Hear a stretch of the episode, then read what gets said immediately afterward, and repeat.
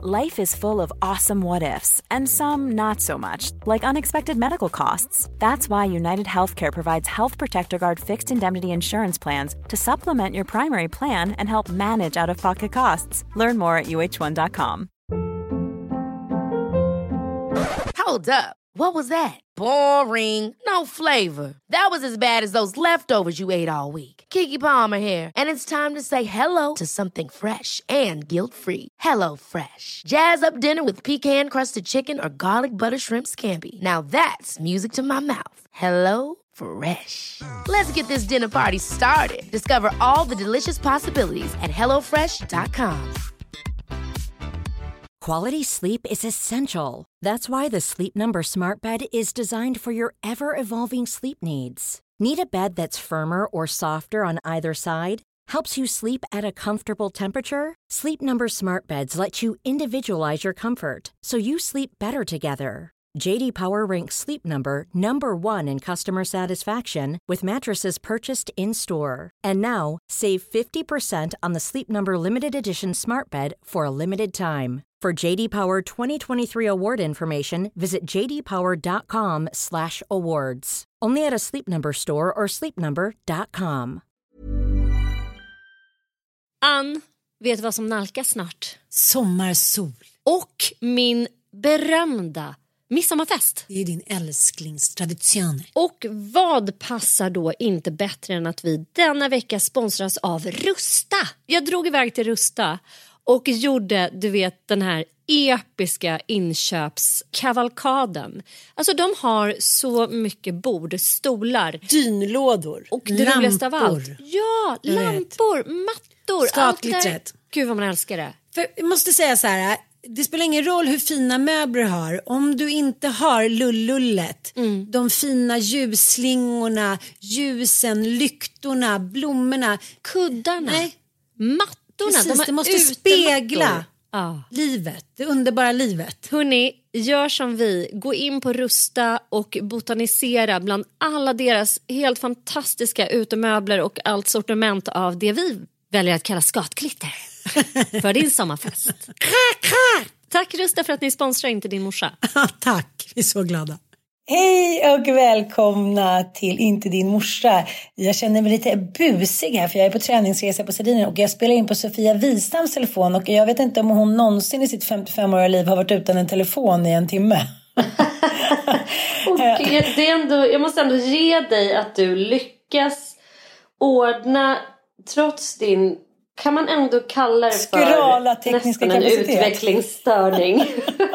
att du ändå klarar av att liksom låna in. Det här har att göra med dina enorma social, din- dina enormt utvecklade sociala skills. Att du ändå får en människa som i stort sett livnär sig på samma sätt som du och är totalt beroende av sin telefon att lämna ifrån sig den i en timme för att podda. Mm, det måste jag säga.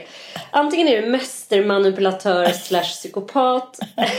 Alternativt men det är lite playback time. Jag ska spela in några grejer, eh, några filmer åt henne sen. Så att, Ja, ni byter tjänster. Ni byter tjänst. ah. Men du, berätta, vad är det här? Vad är det för busigt? Vad har du dragit iväg på? Nej men jag har dragit iväg på, kom du ihåg när jag gick på, eh, men i, i senvåren så var jag med på en bootcamp med D-flex. David. Ja, jag har ju, jag har ju tränat med dig. Jag vet, jag Jag älskar fick ju honom. såhär tio... Ja, han är så jävla Ja. bra. Men helvete vad... Helvete Vad galna de där jag passen är. Nej, han kör på som en Duracell-kanin. Men han är liksom, han är bra, han har humor, men han är så här, nu kör vi, det finns inget annat som hjälper liksom. Och sen dess har jag ju liksom, ja, men vad jag nu håller på med, allt från Lidingölopp och eh, cykellopp hit och dit. Men, men nu gör han eh, tillsammans med då eh, Two Step Communication eh, och Karin Frisell då, som jag träffade på paddelresan i våras. De gör då den här resan.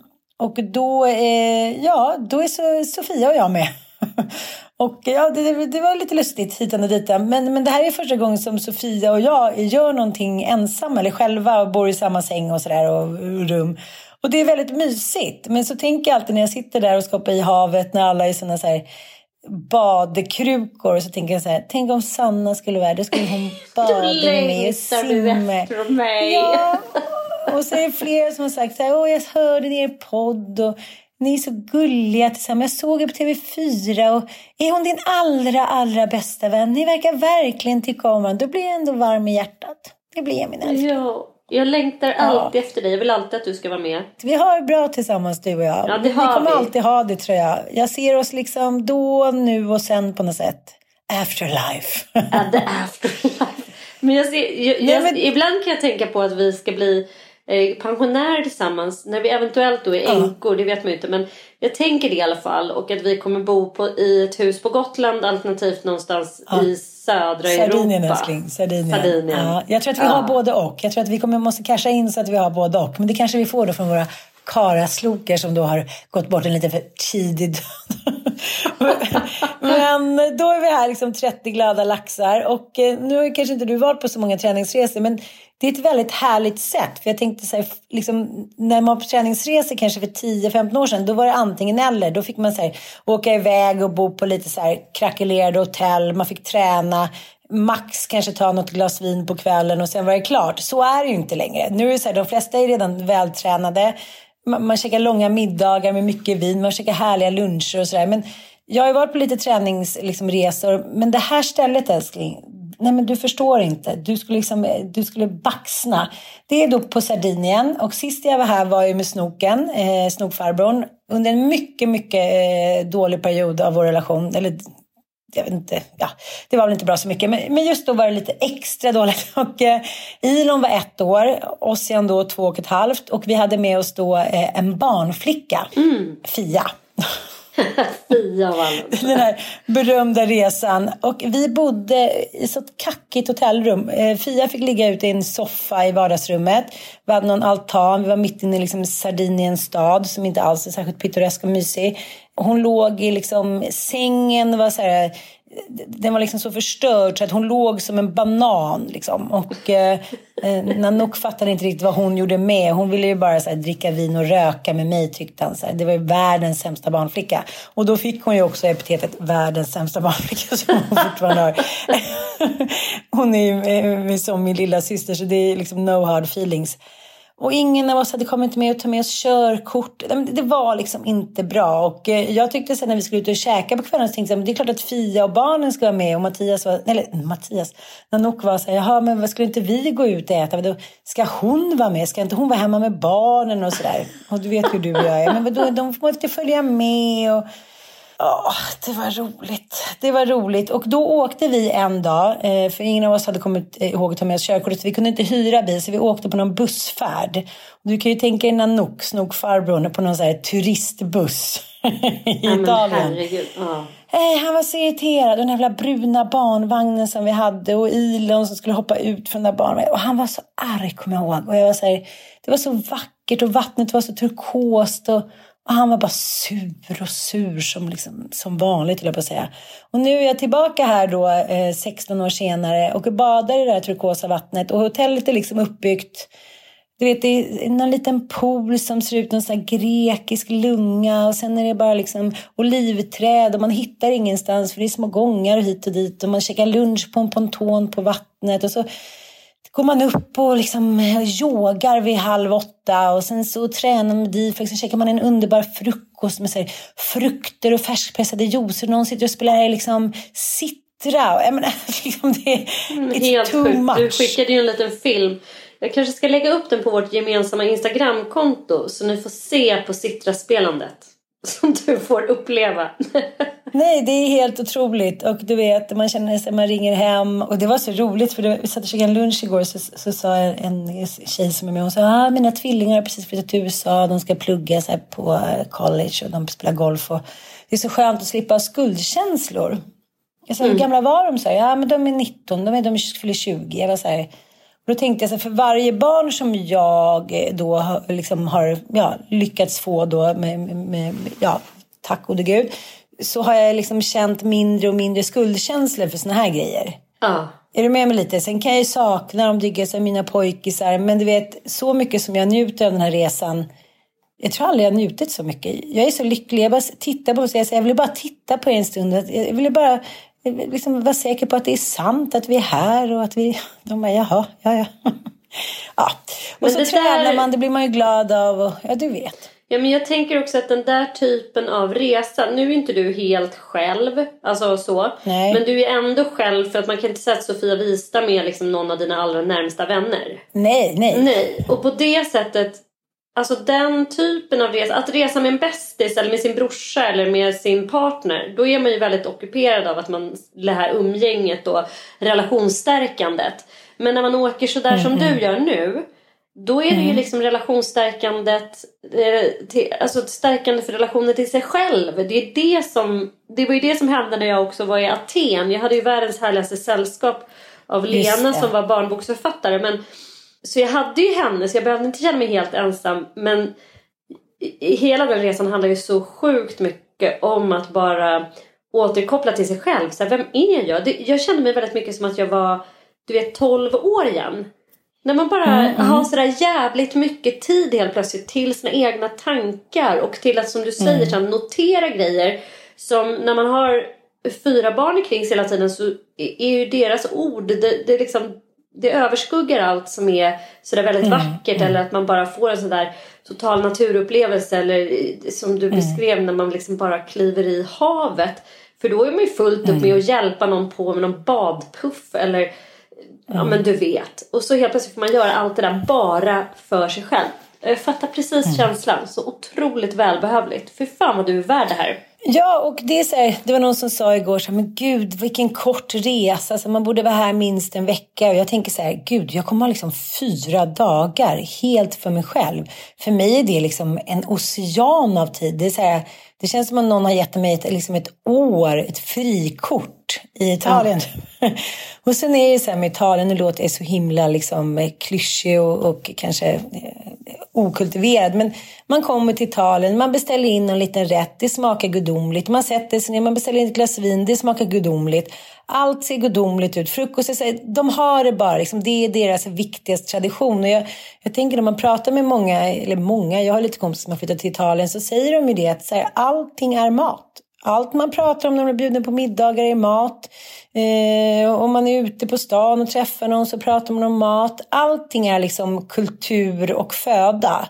Och det är väldigt få andra länder som inte... Eh, Frankrike gör det med, med en viss snobbism, liksom, att det, ja, det ska vara på ett visst sätt och, och, och sådär. Men, men just Italien är, liksom, tycker jag, något mecka för det liksom vardagskulturella som ändå är upphöjt till någonting helt otroligt. Liksom. Ja men det är också att de har gjort en konst av La Dolce Vita. Liksom, att det ska vara tillgängligt för alla. Så till och med den simplaste jävla pizzan eller Men alltså så här, på vilken jävla turisthak som helst. Även vägkrogarna i Italien är ju så här. Nej men du går in på en så här mack och ändå har de en espressobar där. Där de serverar liksom perfekt gjord cappuccino. Så man bara okej det är alltså inte så här automatkaffe på OKQ8 utan här är det här är stil och klass på grejerna. Även så att säga i, i, i de lägre samhällsskikten. Där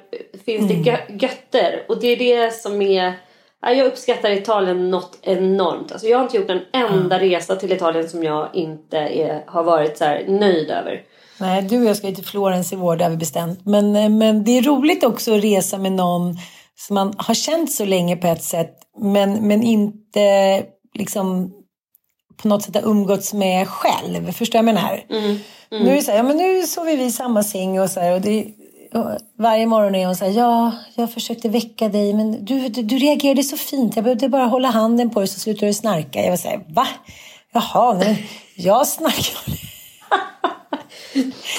Ja, och hon har mens. Och det, rinner. alltså det blir liksom, direkt när man bor ihop så är man ju nere på en, liksom, en nivå som är på någon form av systerskap. Det går ju liksom inte att undgå varandras ja, mer eller mindre bra sidor. Och så så att det, det är ändå ganska intressant. Och sen så eh, pratade vi med, då, med Pernilla Wagen i morse och jag garvade så mycket älskling. Alltså jag tyckte att det här var så roligt så att jag höll på och svimma av.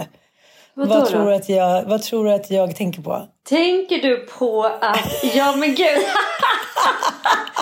våra, våra eh, mycket så här autist skills som sagt, nej men så här.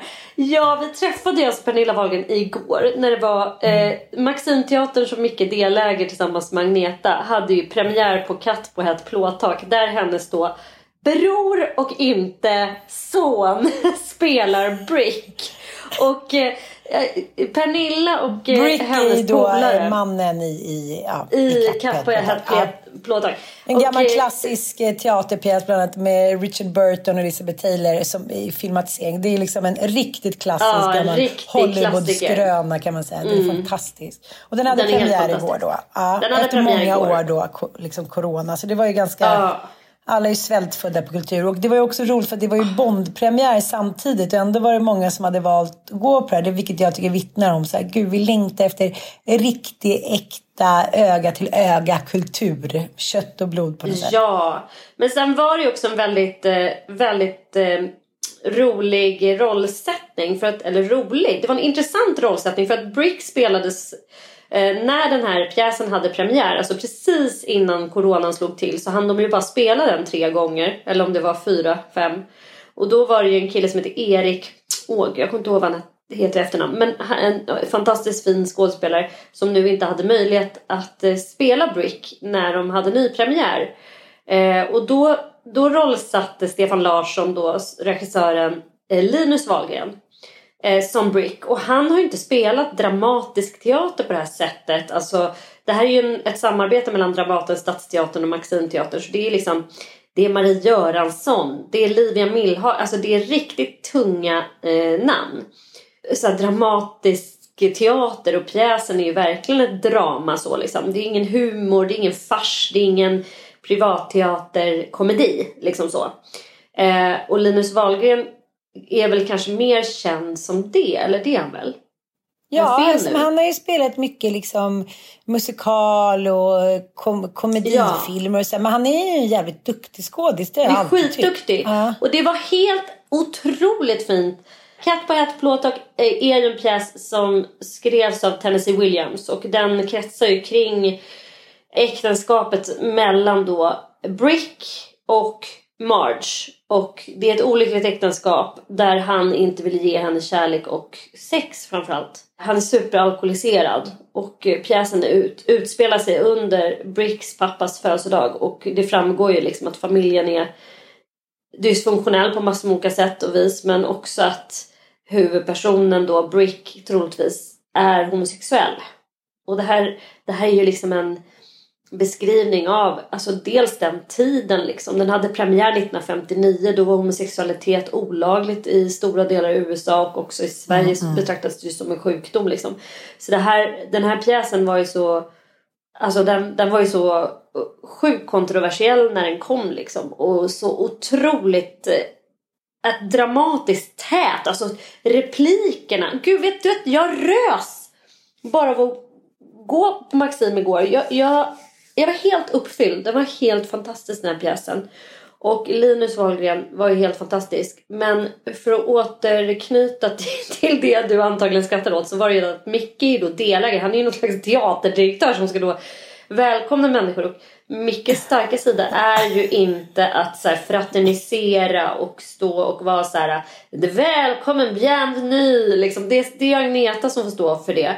Men då kom ju Pernilla då som är syrra till Linus eh, lite sent. Och då sa Micke så här, och då skulle hon in på samma rad som oss. Vi reste oss och Micke sa då så här, ja men ah, vad kul, nej just det, det är din son som är med. Son sa hon! Det är min bror! Hon blev riktigt förnärmad. Så bra att ha koll har Micke på familjen Wahlgren. Nej men, men det var så roligt för att hon, eh, hon skriver så här på sitt Instagram. Eh, stående ovationer och Linus fick den finaste komplimangen och jag samtidigt den största dissen någonsin av Mikael Persbrandt som berömde mig för min begåvade son. Ja! Ja! Och det Ja, som du var skriver- så härligt med mixen mellan liksom den här vad ska man säga, kulturella, hög, kulturella högdjuren. Så här, Stefan Larsson som är, han är liksom teaterchef i, i, i Norge. Han, är, han har varit på Dramaten. Han har regisserat liksom helt fantastiska dramatiska pjäser i, på, i massor med sammanhang.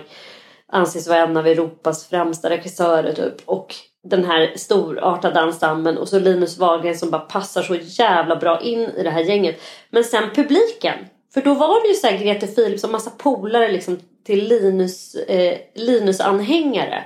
Som livade upp i publiken. De skrattade, de ställde sig upp, de liksom det var stående ovationer, det var liksom hurrarop. Allt det där som man tycker är så härligt när man går och ser en musikal eller en, en fars. Att det är uppsluppet och det är liksom det är lite mer partystämning så att säga.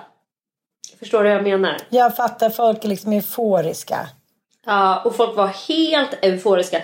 Alltså det, folk stod upp, de kom in på scen, de tog emot tror jag fem applådtack. Och folk bara stod upp i, eh, i salongen. Det var som att alla var bara liksom helt höga på att se en teaterförställning live. Och mm, på ett mm. sätt var det så välbehövligt att man har fått ett år utan det. För då har man helt plötsligt bara Nej men gud det här är bland det bästa jag vet. Vi har varit bortskämda. Att bara kunna ja, gå på teater ja. hur som helst, när som helst. Och nu bara känner man så här: wow det här är någonting helt annat än att sitta och scrolla på Netflix och, och ge sig in liksom. Ja men det var i alla fall ljuvligt. Och det var kul att Micke bjöd på den tycker jag. Ja, bjöd på den. Hon är, det är så gulligt med Kristina, eh, Pernillas mamma. Hon säger Ja, men han kanske trodde att du var jag. Vi är ju väldigt lika. Hon bara, nästa förnedring, bara nästa förnedring.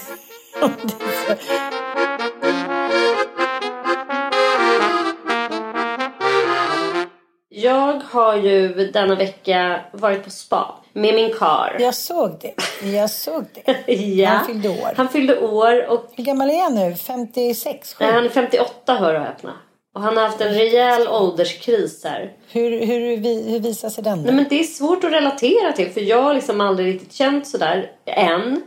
Men för honom så är ju liksom döden på något sätt inom en armlängds avstånd och att så här, börja, mm, mm. behöva börja fundera över att man ska bli skröplig och gammal. Alltså det känns ju mm. inte allt för avlägset liksom. När Nej. man är 58. Och jag vet att Mickes mamma sa det också. Gud vad mycket värre att fylla 60 än vad det var att fylla 70. För att då, ja, men för när man är 70 då är man ju redan då är man ju gammal. Man är ju där liksom. Och då är man en ung gammal. Liksom. Då är man en fräsch Hon beter sig gamling. som att hon är 22. Ja, alltså, men jag menar det. Så att hon, hon, hon är ju som Benjamin Button. Hon åldras ju typ baklänges. Hon är typ, lever ju sitt ja, bästa liv nu. Alltså. Hon har varit i Cannes. Ja, nej, men ja. hon mår så bra. Men, men Micke, mm. han har tyckt att det varit jobbigt den här sommaren. Att såhär, gud, alltså shit. Mm. Även om han inte har några fysiska krämpor än så, så verkar det som att han tycker det är jobbigt att åldras på något sätt. Men mm. det, börjar, det börjar lägga sig nu vad det verkar och vi hade en ljuvlig eh, spahelg. Det, vi var på ett nytt spa ute på Dalarö, Smådalarö gård heter det.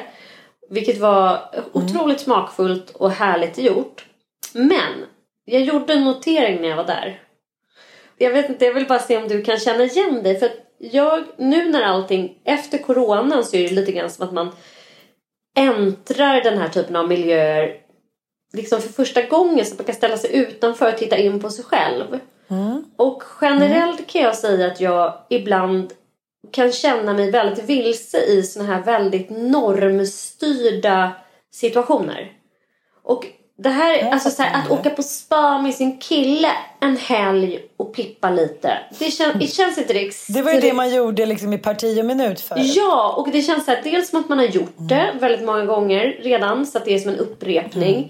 Men sen också att det är så här, skapat så jävla mycket av så det, det är liksom en kapitalistisk idé som inte fanns när jag var barn. Att här, föräldrarna skulle åka iväg på spa. Jag minns ju, och det här är också någonting bisarrt med att bli gammal. Precis som att man minns att ett liv före internet.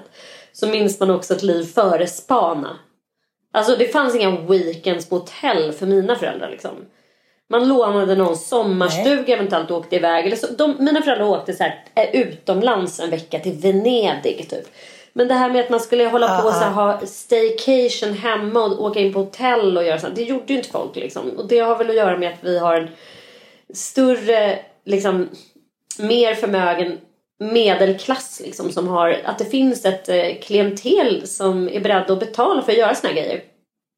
Men just när det blir så här det här ska man göra. Man ska åka på Steam med sin kille. Så här, att jag kan känna mig så ap- apart i sådana miljöer.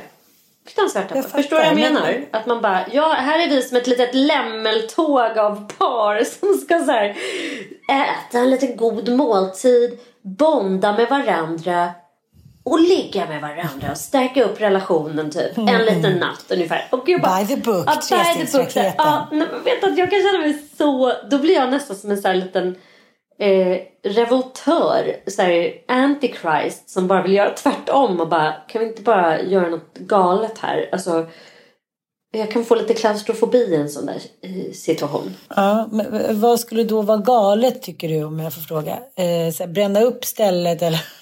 Ja, det vore något hörru. Ja, det var verkligen någonting. verkligen något. Nej men liksom jag vet inte, nu kommer jag inte på så mycket galna men vi, det, vårt då svar på den här typen, alltså på den här typen av normstyrda miljöer blir väldigt mycket att vi så skrattar åt det väldigt mycket. Alltså, Gud vad gör vi här? Vad knäppt det här på vissa sätt känns. Och sen kan vi ändå njuta av det så det är inte en, det är inte en total eh, känsla av eh, liksom äckel inför samtiden utan det är ändå härligt samtidigt. Man kan ändå njuta av den där massagen och man kan ändå njuta av den där frukostbuffén. Men det är parat med en känsla av så här, vad är jag för lämmel som bara följer med i tåget liksom. Eh, är jag inte mer unik än så här? Ja men liksom lite grann så.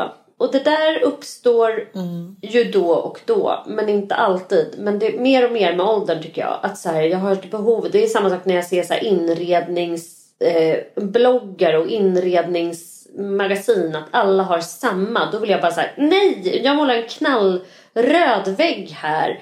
Alltså när estetiken blir så jävla normstyrd så blir jag allergisk. Och det kanske har någonting med att, att man håller på att bli lite äldre och har ett behov av att så här, inte bara smälta in i pöbeldegen av att allt ska vara likadant och man vill liksom passa in och så. Nej, jag fattar, men det är så roligt sådär. Man tänker ju inte alltid på hur en stil eller ens persona uppfattas. Alltså, av folk som inte har känt den så himla länge.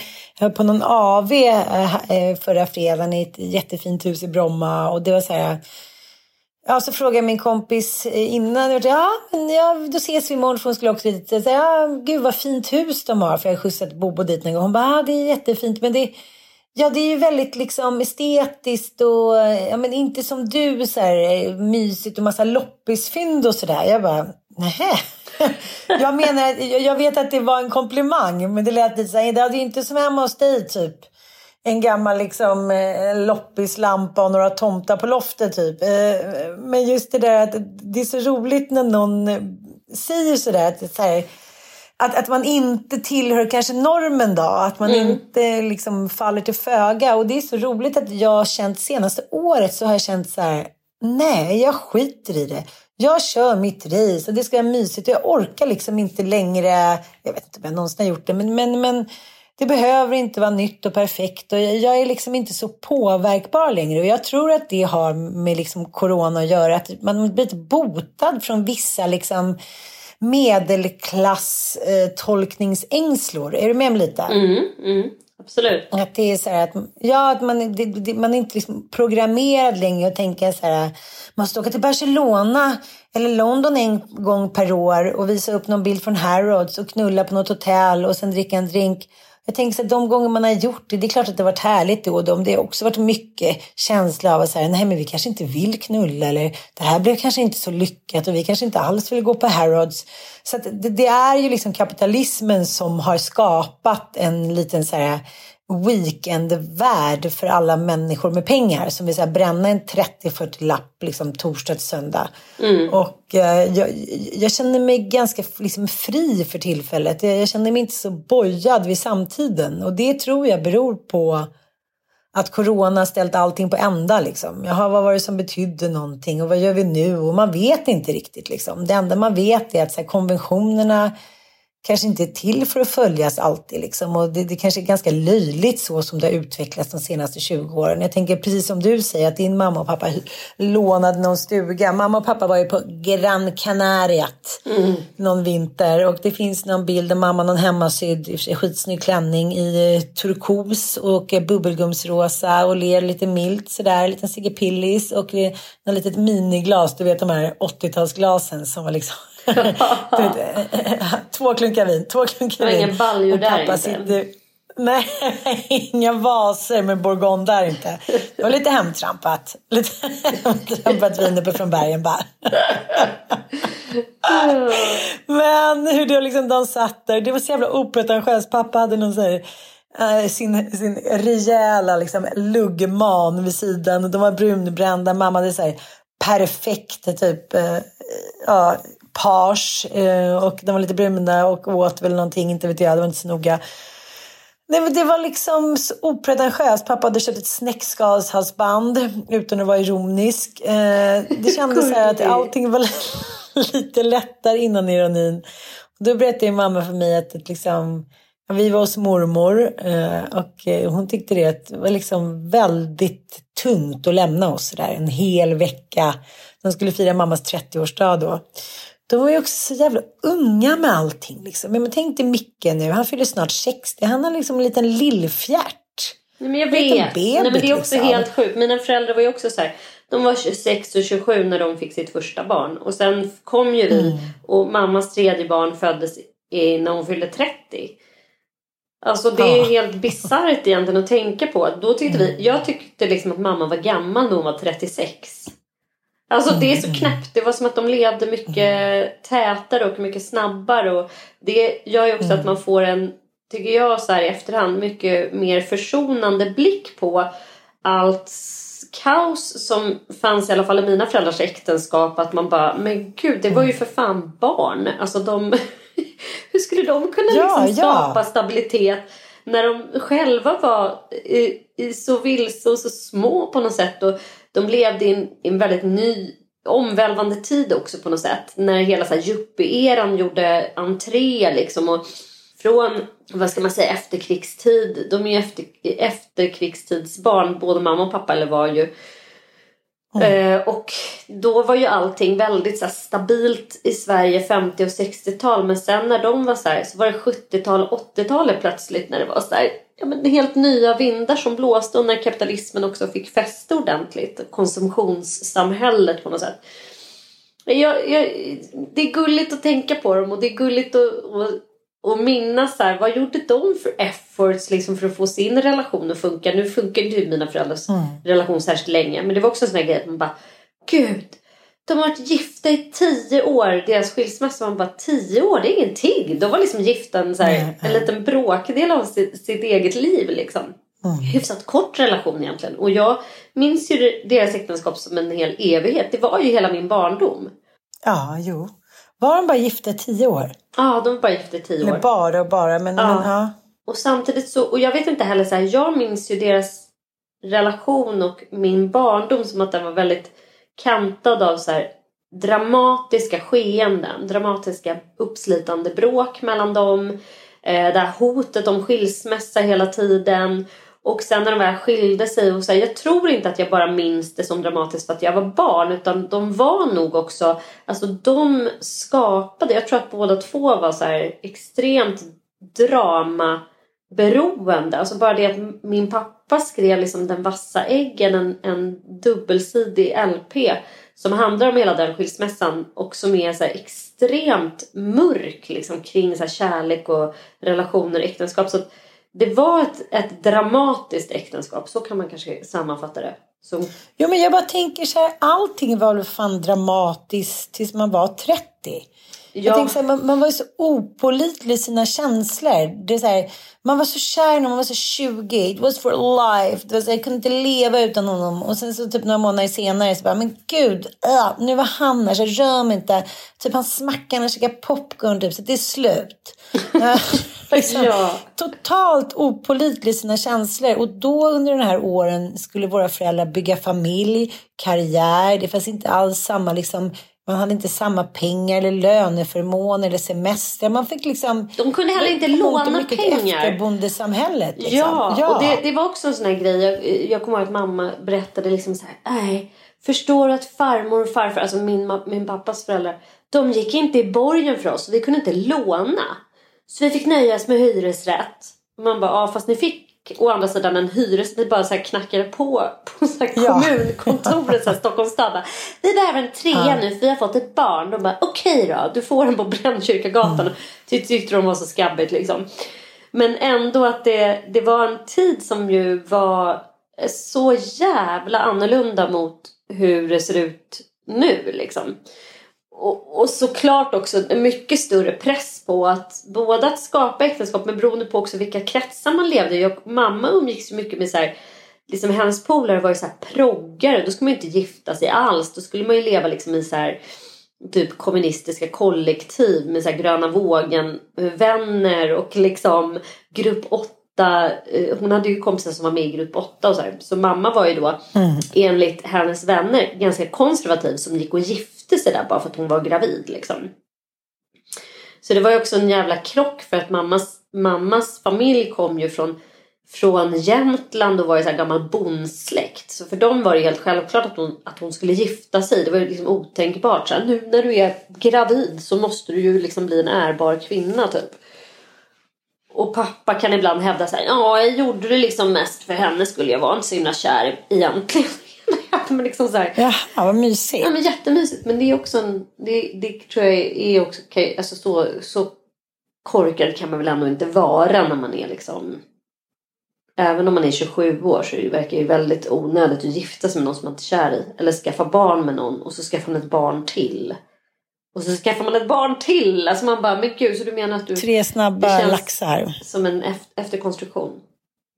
Men eh, hur som helst, det var min lilla spaning på att känna sig som en alienerad eh, galen person när man typ är inne i en sån där normaktivitet. Så här, nu ska vi alla tåga ner till spa tillsammans. Alltså på Yasuragi är det nästan ännu värre för då är det verkligen lämmeltåg. Alla går runt i de här badrockarna. Så man bara wow, Ah, ah. eh, okej, alla ska ätas på ett sektaktigt sätt i badrockarna. Se likadana ut och så här, men tänk egentligen så här, om, om, vi, om vi skulle titta tillbaka, om, om, våra, liksom, om vår mormor och morfar skulle titta på oss, hur vi går omkring. De här lämmeltågen, alla så här sponsrade tofflor och går omkring i så här morgon, sitter och äter middag i morgonrock. Alltså hela idén är ju helt absurd egentligen. Att vi liksom... Att vi bara köper rakt av. sig i sin grav. Vi, så här, vi har rätten att välja, vi är fria människor, men ändå följer vi liksom normen så jävla hårt. ja. Jag tänker ändå, ja, jag tänker ändå att, att det kommer att ifrågasättas. Jag tänker så, så, här, efter Gretas tal och så, det räcker inte med att rösta. Alltså, det räcker inte med att bara liksom följa med lämmeltåget. Det är, så här, det är liksom över nu. Så här, jorden står och brinner. Vi måste, vi måste, vara så här, vi måste liksom bli bättre människor overall på något sätt. Är ja, du med men, mig? Ja, och sen kan jag säga så här. För att sammanfatta för jag tror ju verkligen att den här typen av så aktiviteter, att åka på en spahelg med sin man, är någonting som många eh, värderar väldigt högt och tänker så här, åh det skulle jag vilja göra så här, det ska jag spara ihop pengar till. Men då vill jag lite krångla, och det har ju faktiskt att göra med vårt journalistiska uppdrag också. Nu har jag gått på tillräckligt många spahelger för att kunna lite grann så här uttrycka att det går alldeles utmärkt att fixa den här typen av mys på ett billigare sätt och faktiskt på ett härligare och kanske mer eget sätt. Det räcker med att låna någons härliga sommarstuga en helg och liksom åka och handla en riktigt jävla god matkasse med typ hummer och lite ostron. Och eh, tända en brasa och ha eh, en sjö som man tar ett iskallt dopp i. Alltså det kan vara precis lika härligt. Det är ju bara att man hamnar tillsammans med varandra utan att det finns störande element såsom barn, städ, hundar som kräks i uterummet och typ eh, lövhögar som måste tas upp. Det är det som krävs, att man kommer bort från sin vardagliga miljö. Det är liksom inte, man behöver inte och naturen för mig, det är också så här, man bara gud, sitta och titta på det glittriga havet. Det behöver man ju inte vara på ett spa för att göra. Det kan man göra helt gratis. på bara gå en Sardinia. Nej men fattar du? Det Jag liksom... känner mig som dubbelmoralens mästare-klipp till så här 30 pers står och hoppar framför D-flex och så här gummiband. Det kan vara härligt både och. Vi ska inte liksom... Vi ska inte dissa. Nej, absolut alltså det, det som inte. är skönt när man köper en spahelg. Det är att man inte behöver fatta några beslut själv. Och det är mycket mindre jobb Mm. förstås. Alltså någon har fattat besluten åt dem. Någon har lagat Mm. maten, bestämt menyn, städat åt den. Värmt upp Mm. liksom bastun och sådär. Men eh, det går att åstadkomma billigare och precis lika härligt. Så kan man väl säga i, i, i det journalistiska uppdragets tjänst. Ja, Ja.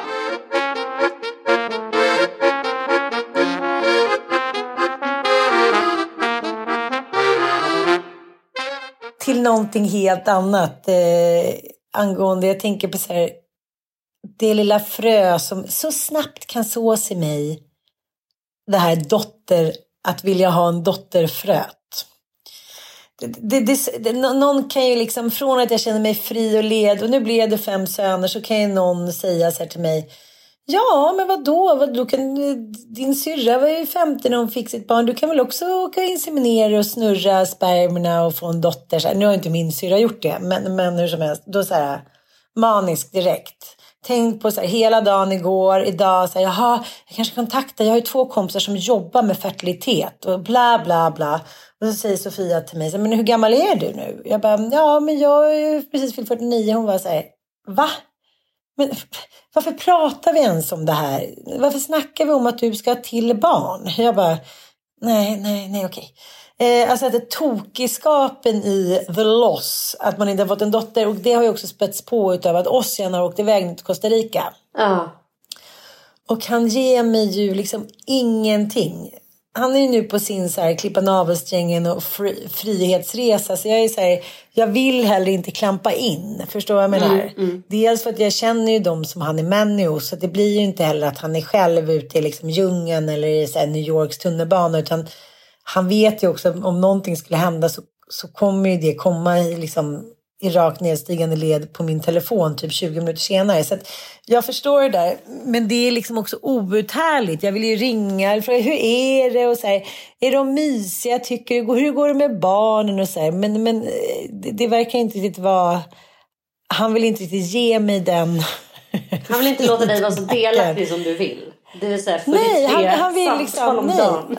Nej, men nu är han på andra sidan jorden och det vet man ju själv när man så här, åkte tågluffen när man var 16 eller när man åkte liksom, skibumma när man var 19. Nej, men mamma och pappa fick ju vara glada om man hörde av sig liksom lagom till jul. Alltså, förstår du vad jag menar? Mm, det var så här, gud, de vet, hade ingen aning om man låg med en kanyl i armen eller om man hade fått här, tre ungar i Brooklyn. Fast älskling, det var ju faktiskt lite så. Ja. Från att vi började högstadiet så levde ju vi ett liv helt utanför i stort sett. Jag menar inte att de inte brydde sig om oss, men, men jag kunde Det verkligen ha gick inte att ha lurat kontroll. dem.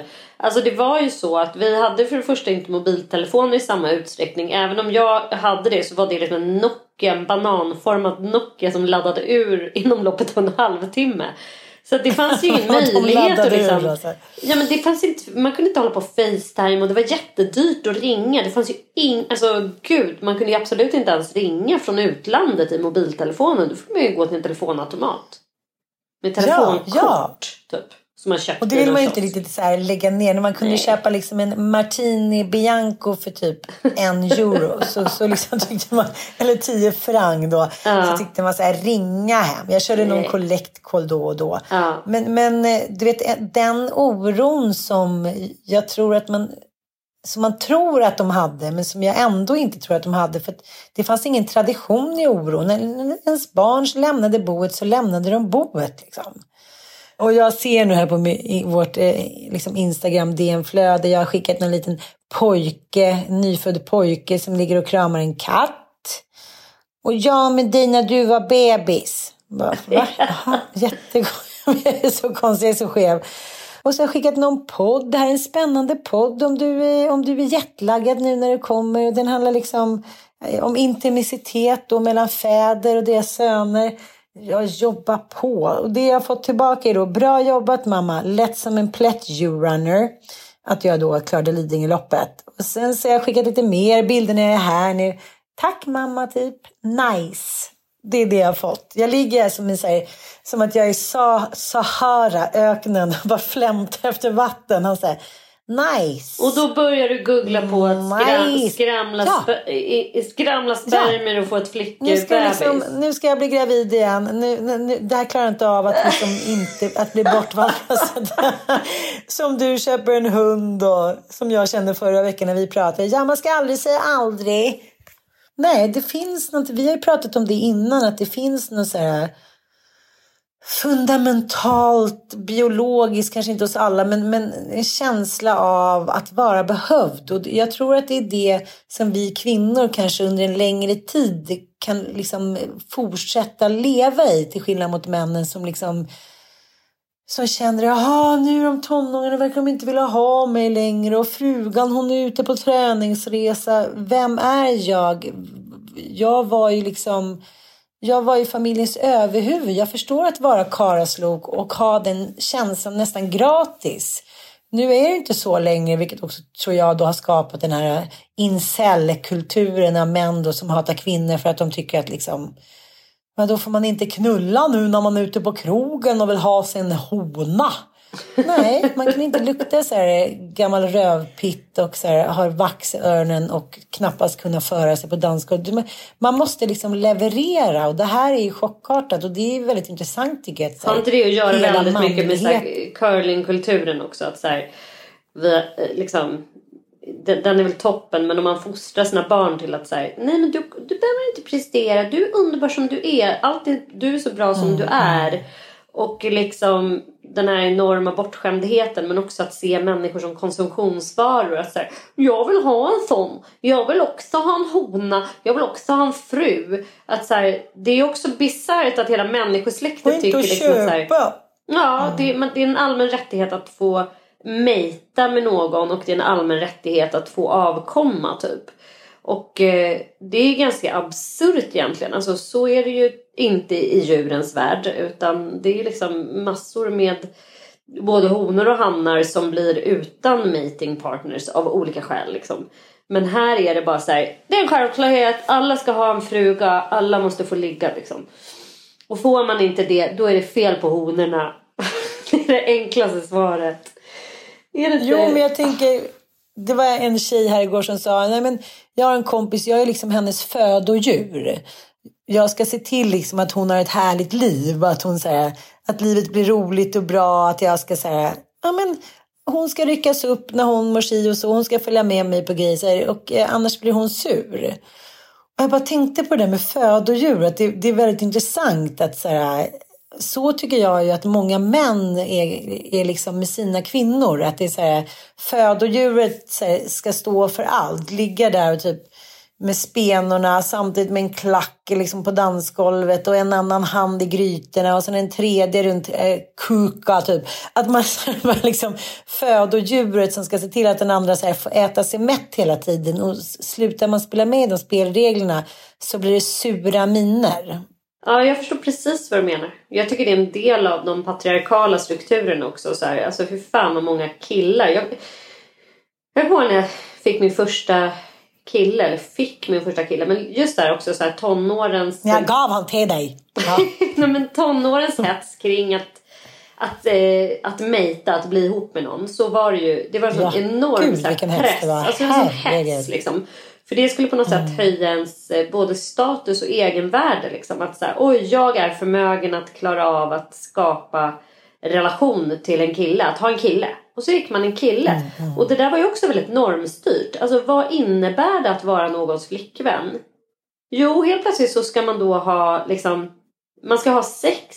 Eh, och då eh, fick vi lära oss av tidningen Frida och Veckorevyn och andra eh, liknande tidningar att så här, det är normalt att ha sex minst två gånger i veckan. Mm. Oj, så här, du är frigid. Du är liksom, vi fick lära oss hur man skulle liksom tillfredsställa en kille bäst. Oralt. Typ så här, alltså det var ju på riktigt så. Uh, det har vi pratat om ja, förut. Allting liksom, handlade om att ja. killen skulle vara nöjd och glad. Och, ja, man skulle göra sin kille så här, Tillfredsställa hans behov. Ja. ja, och även i Katt på hett plåttak så, så säger mamman i, i eh, eh, i en scen liksom att så här, Marge, förstår du inte att era eh, äktenskap, vet du varför han super? Det är för att du inte knullar med honom tillräckligt mycket. Ja. Alltså, jag, det jag ser är, är att min son plötsligt har börjat supa och att ni inte har fått något barn. Eh, typ summan av kardemumman. Du tillfredsställer inte honom i sängen och därför är han olycklig. Eh, när det riktiga svaret var att han är homosexuell. Liksom. Och precis har då förlorat sin eh, stora kärlek i, i en eh, ja, i död helt enkelt. Hans stora kärlek har ju dött. Så han är liksom i, i stor sorg över det. Men det här var ju så sjukt tycker jag. Att det så fanns liksom oskrivna regler för att så här, nu så är jag eh, dels exklusiv med den här killen och så ska han ha då fri tillgång till sex på olika sätt. Eh, och det var väldigt reglerat då och normstyrt av den här typen av tidningar och så samtal som man hade med sina tjejkompisar om hur det här skulle gå till på något sätt. Och man höll på mm. så sjukt mycket. Alltså stora delar av ens vakna tid gick ut på att diskutera liksom formerna för hur en relation skulle se ut och vad som var en bra relation, vad som var en dålig relation. Nu är det bra mellan oss, nu är det så mellan oss och nu är han svartsjuk och nu vill han göra si, nu ska han göra så. Men det var så jävla mycket fokus på den här stackars killen då som man skulle vara ihop med. Fy fan vad jag inte saknar det kan jag säga.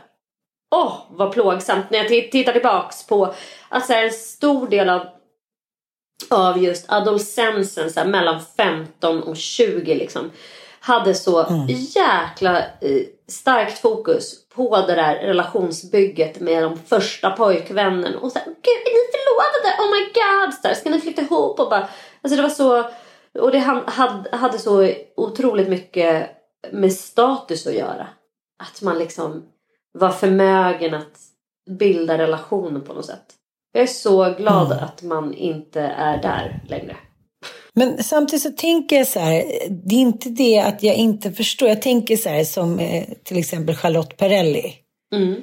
Nu, nu, tycker jag är så här, ja, men jag är högaktig henne. Hon är ju en hårt arbetande kvinna och jättebegåvad. Så liksom, det handlar inte egentligen om henne jag vill inte liksom göra ner henne eller jag vill inte så, säga att hon är, liksom, på något, att hon är omodern eller någonting. Men jag tänker att vara gift med Charlotte Perrelli, det måste ju vara liksom som att vara gift med typ det, det mest fantastiska liksom, eh, ja, födodjuret någonsin. Jag bara tänker så att det var ju Bond-premiär häromdagen och då lägger hon ut bilder då på honom och så skriver hon så här Bond, James Bond.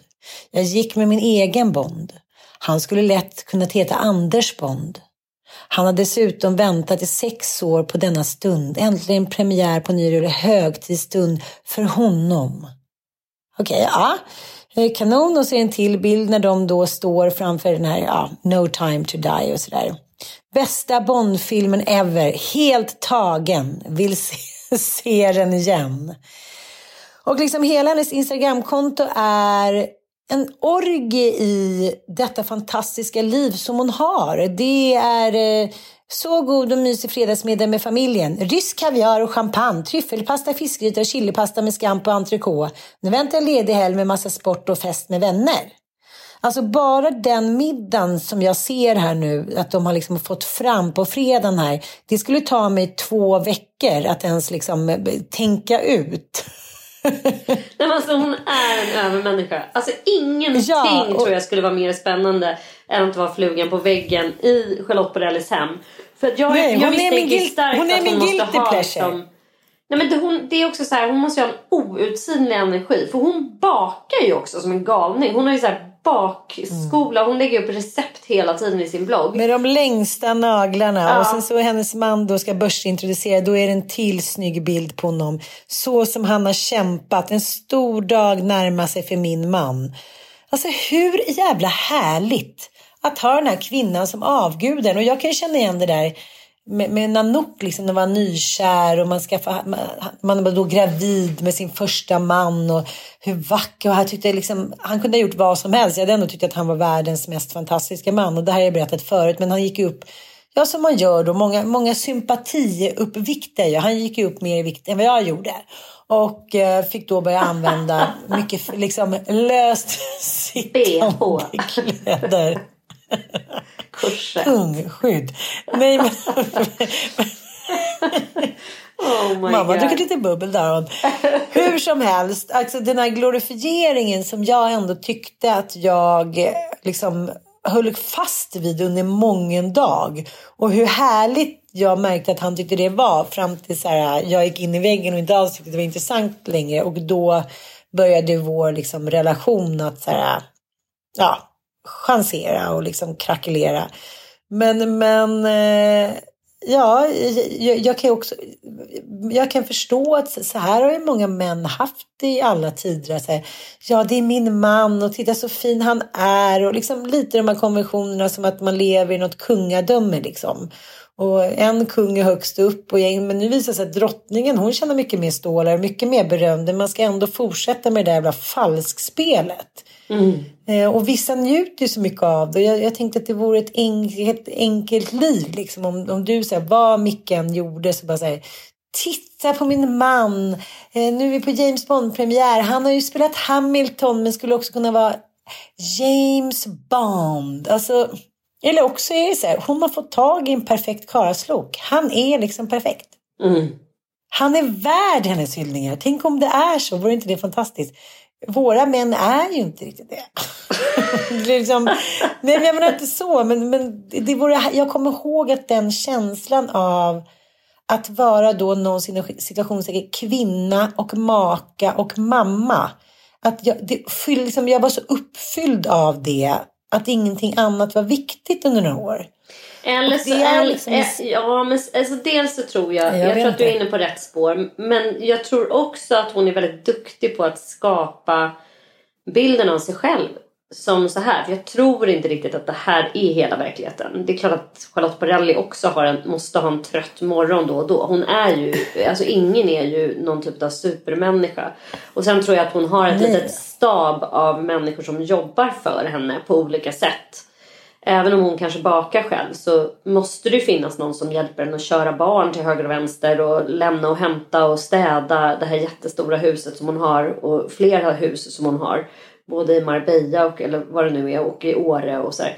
Men så hon, så hon är ändå duktig av att skapa liksom the American dream eller the Swedish middle class dream. Att så här, du har fötterna i myllan, du står stadigt på jorden och bakar dina barn men ändå så har du det här fancy, du har dina naglar och du har dina liksom, du har ditt smink och dina high heels och din, din liksom skogarderob och din underbara Anders Bond. Eh, alltså drömmen om den här perfekta familjen på något sätt. Så, så hon är ju också väldigt duktig på att kreera den, den bilden av sig själv. Håller du med mig? Så mycket tårtor och pizzabullar. De är så perfekta. Så att jag så tänker så här, och så det här bröllopet då. Den Ja, lyckligaste dagen i mitt liv och den här klänningen. Men Ja. det som jag tycker är så jävla roligt också är så här, att hon också har hittat en karaslok som är med på detta. Mm. Jag kan liksom inte ens få min man att gifta sig med mig för att han blir stressad över liksom, jaha vilka ska vi bjuda då? Då kanske jag måste säga något till dig och blir det någon svensexa där de kommer vara taskiga. Liksom, det är så mycket hinder i vägen som är liksom en fjärt i Anders Bonds mage jämfört med liksom deras spektakulära liv. Och jag, Eh, Det var ju bara för att Sofia frågade mig vilka konton som var min guilty pleasure. Jag var så här, ja, Charlotte Perrelli kan ligga och kolla på. Anna det är mitt också. typ Vi har aldrig pratat om det här. Men det är också att hon är, jag är extremt fascinerad av henne. Och sen tycker jag också att hon ger väldigt tydlig bild av Sverige. Alltså för att hon, hon är ju extremt älskad. Folkkär. Ja, hon är ju som någon typ av. Mm, Lill-Babs-figur. Liksom. Hon är ju den där sexy mamma som blev så populär på 90-talet. Eller början, Mm. början av efter, millennie, efter millenniet. Liksom, millennieskiftet. Mm. När man liksom bara säger I'm a working, working, hardworking mom. Liksom, som inte räds att eh, mina high heels Mm. och vara sexig fast jag precis har fött en unge. Och, eh, liksom. och så skiljer jag mig och tar mina ungar om relationen blir dålig och så träffar jag liksom en stabil och stadig man. För det är också en så här jävligt, eh, man har ju fått följa henne i eh, den forna då relationen. Med, ja, vad hände med honom? Vad hände med honom? Är han aldrig närvarande? Han är, Där är han, är också liksom väldigt lojal i att... med barnen nej. eller han verkar liksom vara helt bortmanövrerad från deras liv. Han var väl någon slags nej. restaurangman liksom.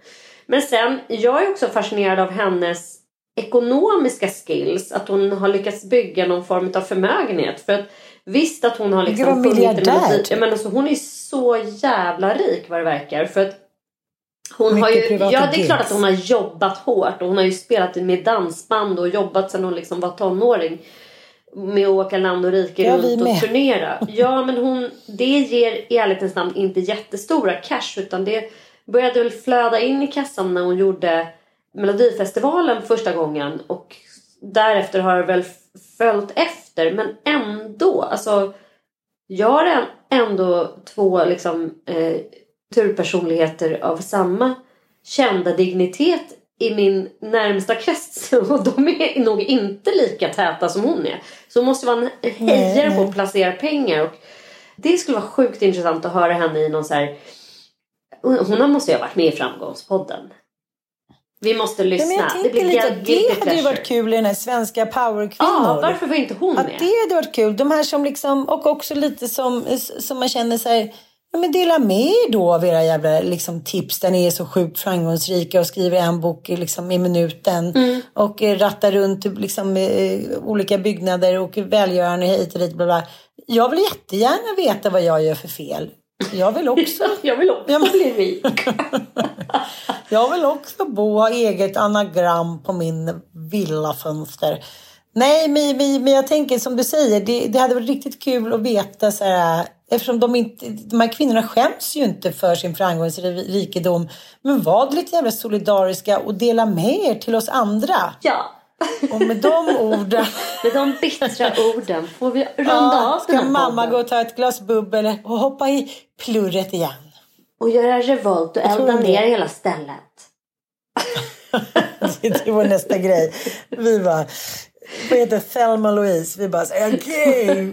Bränner ner liksom- stället och drar liksom över bron. Ja, så jävla dum grej. Man bara kackar helt i eget bo och skjuter eh, liksom handen som föder den och bränner ner njutningen. nej, nej, det var inte riktigt så jag menade med revolten. Jag tror att det är det som den här podden får heta. Kacka i eget bo med Anders.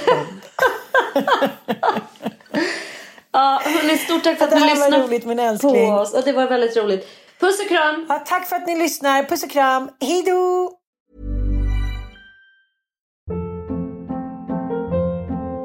Hold up. What was that? Boring. No flavor. That was as bad as those leftovers you ate all week. Kiki Palmer here, and it's time to say hello to something fresh and guilt-free. Hello Fresh. Jazz up dinner with pecan-crusted chicken or garlic butter shrimp scampi. Now that's music to my mouth. Hello Fresh. Let's get this dinner party started. Discover all the delicious possibilities at HelloFresh.com.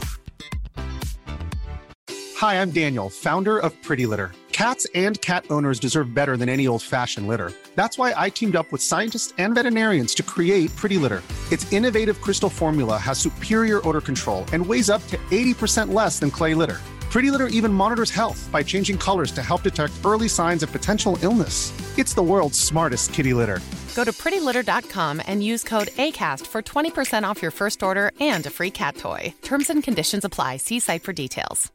Imagine the softest sheets you've ever felt. Now imagine them getting even softer over time. That's what you'll feel with Bowl and Branch's organic cotton sheets. In a recent customer survey, 96% replied that Bowl and Branch sheets get softer with every wash. Start getting your best night's sleep in these sheets that get softer and softer for years to come. Try their sheets with a 30-night guarantee. Plus, get 15% off your first order at bowlandbranch.com. Code BUTTERY. Exclusions apply. See site for details.